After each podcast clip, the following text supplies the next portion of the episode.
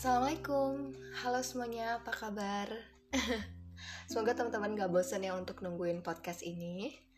Oke, okay, uh, eh, semoga juga teman-teman sekarang berada dalam keadaan yang sehat, yang baik, mentalnya, fisiknya, dan sebagainya.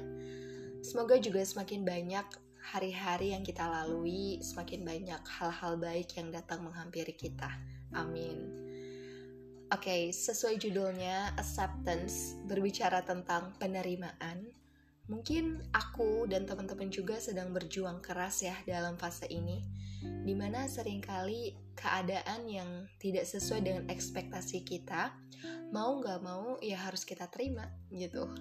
Dan ternyata dari semua proses yang terjadi, proses penerimaan itu jauh lebih sulit dari biasanya Mungkin ketika kita dihadapkan dengan berbagai hal, lingkungan, dan keadaan, nyatanya menerima dengan ikhlas, tanpa beban, dan baik-baik aja itu nggak gampang. Tentu banyak pengharapan atas segala rencana, usaha, dan kemampuan yang sudah kita keluarkan dengan sebaiknya.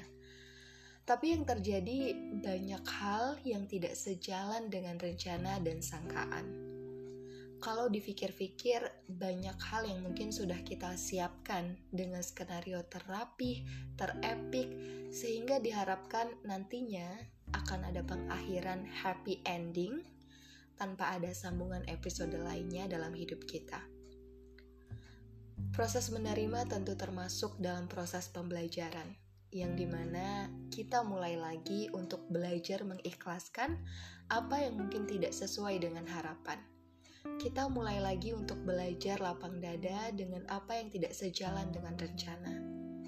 Dan mulai lagi untuk belajar lega, legowo terhadap apa yang orang lain pikirkan terhadap kita, dan tetap menjadi versi terbaiknya kita.